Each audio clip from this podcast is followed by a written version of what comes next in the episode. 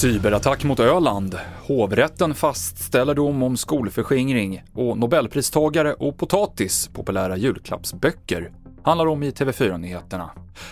Vi börjar med att berätta att hovrätten fastställer domen mot den tidigare rektorn för den muslimska friskolan Römosseskolan, Abdirizak Waberi.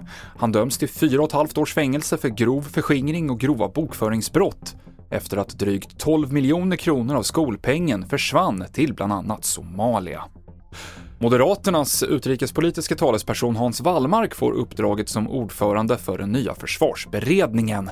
Uppdraget handlar bland annat om att lägga grunden för Sveriges integration i NATO, det militära och civila försvarets utveckling och hur mycket mer pengar som ska satsas. Det som står i fokus är ju NATO-anslutningen. Här på pressträffen hörde vi att regeringen verkar ta för givet att eh, Sverige ska komma med i NATO men Turkiet har fortfarande inte sagt ja.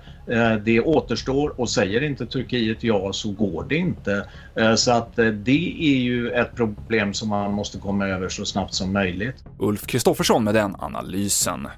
Krisledningen har satts igång i de två öländska kommunerna efter en misstänkt cyberattack, rapporterar Ölandsbladet. Det handlar om ett intrång i Borgholms och Mörbylånga kommuns gemensamma IT-system som upptäcktes sent igår kväll. Det är bara en av flera misstänkta angrepp mot kommuner i Sverige den senaste tiden. Och det verkar bli många deckare och kokböcker under granen i jul. Det ger nätbokhandeln Adlibris försäljning under Black Week en fingervisning om. Spindeln av Lars Kepler och den senaste delen i Millennium av Karin Smirnoff toppar listan.